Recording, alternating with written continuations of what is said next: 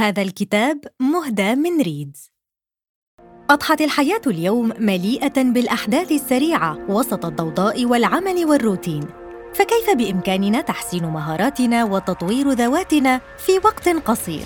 إليكم تطبيق ريدز الذي يوفر لكم ملخصات قصيرة ومفيدة لأشهر وأهم المفكرين في العالم والتي تحتوي على الأفكار الرئيسية لكتاب كامل في عشرين دقيقة. ليس هذا فقط. بل ويقدم لكم أيضاً بودكاستات عديدة في مختلف المجالات وأبرزها على الإطلاق يمكنكم تحميل ريدز الآن عبر جميع المنصات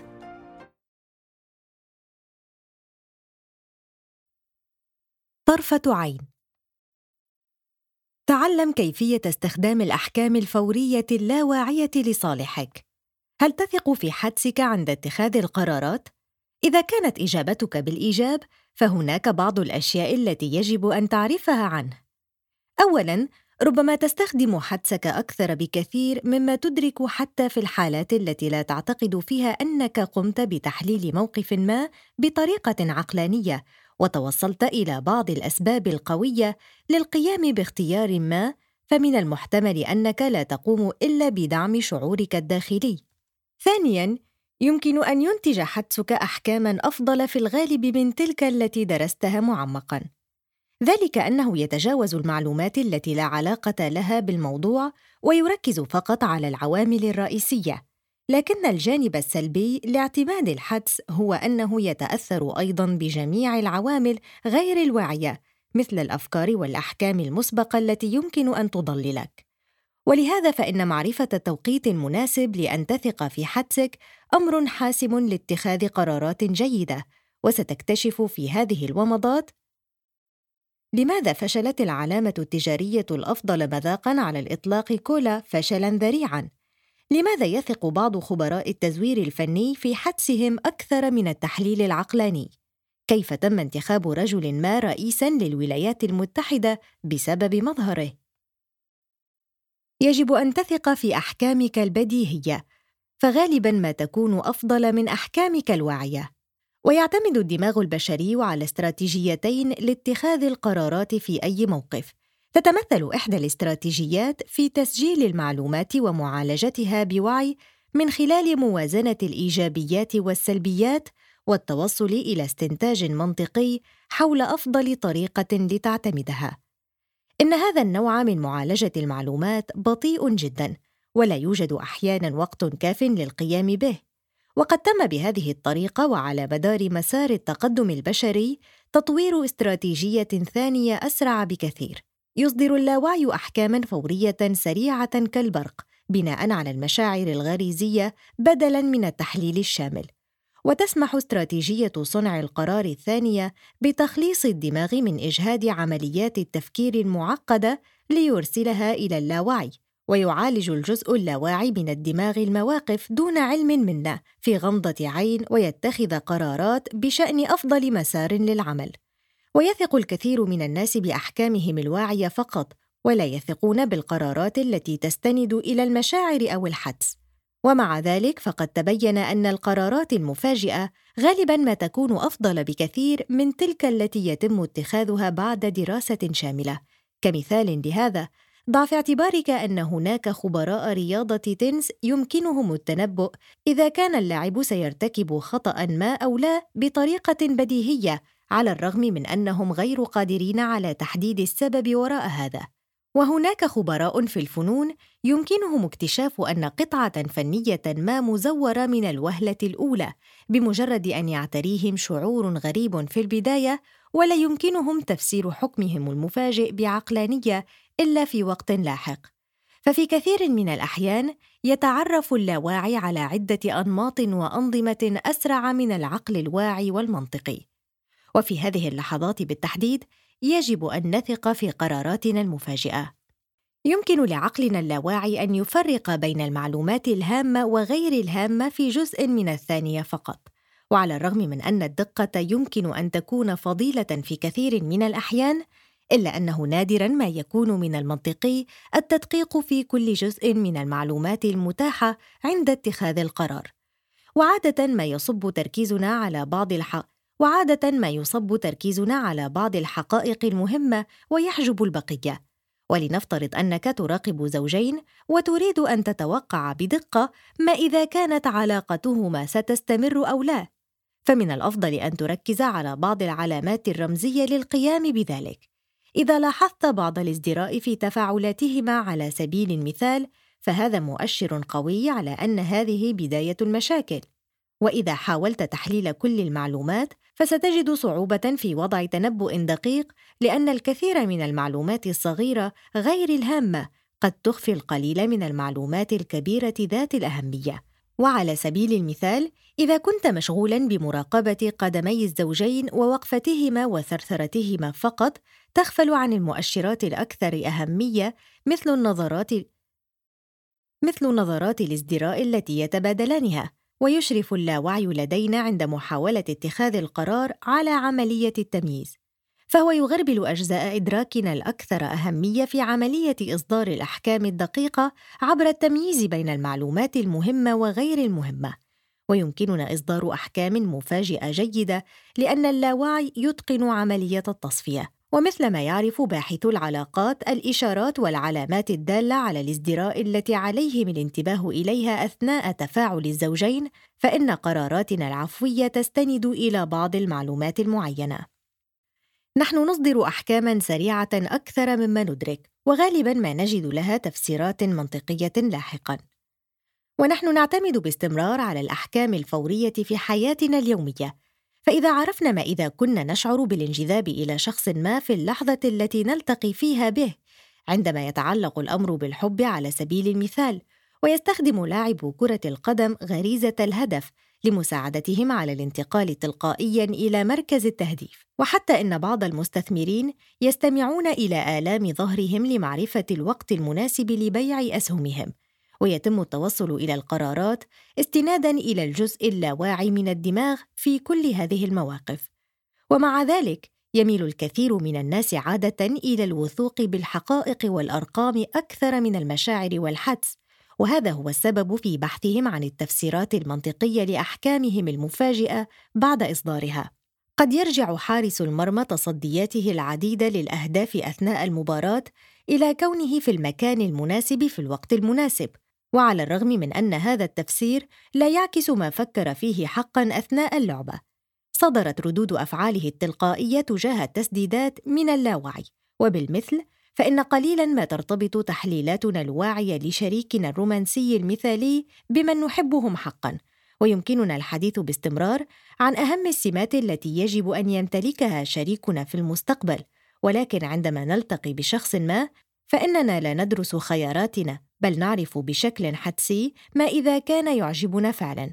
وفي كثير من الأحيان يتعارض قرارنا البديهي مع قائمة الخصائص المرغوبة التي كنا نعملها من قبل والتي يتم تجميعها بعقلانية. تتأثر قراراتنا بشكل كبير بالروابط اللاواعية. يؤثر اللاوعي على أفعالنا بطريقة معينة وعلى سبيل المثال طلب من مجموعة من الأشخاص في إحدى الدراسات أن يلعبوا لعبة المطاردة التافهة، ولكن قبل البدء تم تقسيمهم إلى مجموعتين وتم تكليفهم بمهمة. طلب من المجموعة الأولى التفكير فيما يعنيه أن تكون أستاذًا، بينما فكرت المجموعة الأخرى فيما قد يعنيه أن تكون مثير شغب أثناء مباريات كرة قدم. فكان أداء المجموعتين مختلفًا، إذ حصلت المجموعة التي فكرت في الأستاذ الذكي على إجابات صحيحة أكثر من المجموعة الأخرى التي فكرت في مشاغبي كرة القدم الأغبياء. وقد أثرت هذه الروابط على أداء اللاعبين، وبالمثل فإن روابطنا اللاواعية تؤثر باستمرار على سلوكنا. وقد تعلمنا جميعا أن نربط سمات مثل أبيض وذكر وطويل بصفات مثل القوة والكفاءة فحتى لو كنا لا نعتقد صراحة أن الرجال البيض طوال القامة أكثر كفاءة من النساء السوداوات القصيرات. يمتثل الكثير منا لهذه الروابط دون وعي، وقد أظهرت الأبحاث أنه من الأسهل أن تكون رجلاً أبيضاً طويل القامة لتنجح مهنياً، فقد تم إثبات أن زيادة الطول بمقدار إنش واحد قد يزيد من راتبك، فالذكور البيض الذين يزيد ارتفاعهم عن الطول المتوسط غالبا ما يشغلون المناصب الإدارية العليا بشكل حصري تقريبا. إن وورن هاردينغ دليل على أن ربط الخصائص الخارجية العامة بمهارات معينة يمكن أن يكون خطأ فادحا. وقد انتخب هاردينغ رئيسا للولايات المتحدة بعد نهاية الحرب العالمية الأولى لأن أنصاره اعتقدوا ببساطة أنه يبدو رئاسيا. ولم تكن لديه مهارات أو مزايا حقيقية ليظهرها فعليا وينظر إليه اليوم على أنه أحد أسوأ الرؤساء في كل العصور. يمكن أن يجعلنا الإجهاد متوحدين مؤقتا ويدفعنا إلى إصدار أحكام خاطئة. هل ستندهش إذا سمعت أنك تبث إشارات تخاطرية؟ يمكننا جميعا قراءة العقول فكل ما علينا فعله هو النظر إلى وجه الشخص. إذ تكشف التعبيرات العاطفية بدقة عما يفكر فيه هذا الشخص. وعلاوة على ذلك أكد العلماء أن التعابير الانفعالية ظاهرة كونية حيث يمكن لأي شخص في كل منطقة من العالم التعرف على تعابير وجه سعيد أو غاضب أو حزين. ومع ذلك لا يفهم بعض الأشخاص الإشارات غير اللفظية مثل أولئك الذين يعانون من مرض التوحد فهم يفهمون المعلومات المنقولة بشكل صريح ولكنهم ليسوا قادرين على قراءة وجوه الآخرين. ولكن حتى الأشخاص غير المصابين بالتوحد يمكن أن يصابوا بالتوحد مؤقتا نتيجة المواقف العصيبة وضغط الوقت. ونحن نميل إلى تجاهل العديد من الإشارات غير المباشرة مثل تعابير الوجه عندما نكون تحت الضغط ونكرس كل اهتمامنا لأشد التهديدات وأكثرها قربا. أي أننا نركز على المعلومات الأكثر صلة بهذا التهديد ويمكن أن يؤدي هذا إلى الرؤية النفقية فعلى سبيل المثال يقوم ضباط الشرطة بإطلاق النار على أشخاص أبرياء لأنهم غالبا ما يركزون على التهديد المحتمل للسلاح حتى أن محفظة سوداء قد تبدو مهددة لهم. وإذا كنت ترغب في تجنب هذا النوع من نوبات التوحد عليك أن تبطئ قليلا من سرعة حياتك وتقلل التوتر في بيئتك. فكلما كان الضغط أسوأ زاد احتمال إصابتك بالتوحد المؤقت. وبعد أن تتجاوز قدرا معينا من التوتر تتوقف عملية التفكير المنطقي تماما وتنعدم إمكانية التكهن بسلوكك. لا تمثل أبحاث السوق دائما مؤشرا فعليا لسلوك المستهلك الحقيقي. إن مهمة الباحث في السوق هي معرفة أي المنتجات ستعمل بشكل جيد وأيهما لن ينجح. ومع ذلك غالبا ما يفشل الباحثون في التنبؤ بسلوك المستهلك. وقبل عدة عقود أجرت شركة كوكاكولا عددا من اختبارات التذوق واضطرت إلى الاعتراف أن منافستها بيبسي قد سجلت درجات أعلى بكثير منها. فغيرت الشركة وصفتها ردا على ذلك. ثم قدمت نوعا جديدا من المشروبات إلى السوق أطلقت عليه اسم الكولا الجديدة. وقد أشارت جميع اختبارات التذوق إلى أنه سيحقق نجاحا كبيرا. فماذا كانت النتيجة؟ كانت كولا الجديدة واحدة من أكثر المنتجات الفاشلة على الإطلاق وتم سحبها في نهاية المطاف من السوق. فكيف يمكن أن تكون اختبارات التذوق بعيدة كل البعد عن الواقع؟ لقد تم إجراؤها ببساطة في ظل ظروف خاطئة. كان على مختبري التذوق أثناء هذه العملية تقييم المنتجات على أساس رشفة واحدة مع إخفاء جميع عناصر العلامة التجارية المعروفة مثل لون العلبة. كم مرة تناولت كولا مثل هذه؟ وقد أدت هذه الظروف غير الواقعية إلى إصدار تقييم لا علاقة له بسلوك الزبائن اللاحق. فاحتاج مختبرو التذوق إلى السياق الصحيح للحصول على حكم تمثيلي سريع حقيقي فكان ينبغي عليهم تجربة هذا المشروب في المنزل أثناء جلوسهم على أريكتهم. وبالمحصلة هناك شيء آخر يجب مراعاته في أبحاث السوق وهو أن المستهلكين يميلون بشكل عام إلى تقييم المنتجات المبتكرة بالذات تقييما سلبيا في الاختبارات الأولية. فيجب أن يعتاد المستهلكون فعليا على المنتجات الجديدة وغير المألوفة قبل أن يعجبوا بها. اخرج واختبر أشياء جديدة لتخلص نفسك من الأحكام المسبقة. هل تعتقد أن الناس لا يزالون يحملون احكاما مسبقة أساسها العنصرية اليوم؟ أظهر علماء النفس باستخدام اختبارات الربط البسيطة أن التحيزات العنصرية متجذرة بعمق في الناس، فقد ثبت بشكل واضح أن العديد من المواطنين الأمريكيين يجدون صعوبة أكبر في ربط الصفات الإيجابية بكلمة أسود مقارنة بكلمة أبيض، وقد تم العثور على هذا التحيز اللاواعي بشكل لا يصدق بين السكان السود أيضاً، ويربط الخبراء هذه الظاهرة بحقيقة أن اللاوعي يتطور من خلال الملاحظة. إذ تتكون اليوم الطبقة الحاكمة في الولايات المتحدة بالكامل تقريباً من البيض، لذلك طور مواطنو الولايات المتحدة ارتباطا غير واع بين البشرة البيضاء والسمات الإيجابية مثل القوة، ويعد العنصر الأكثر إثارة للقلق في كل هذا هو أن الأحكام المسبقة تؤثر بالفعل على سلوكنا اليومي، حيث يشكل لون البشرة والجنس والطول الأسس التي نقيم من خلالها الآخرين، ومن الأمثلة على ذلك عملية التقدم للوظائف.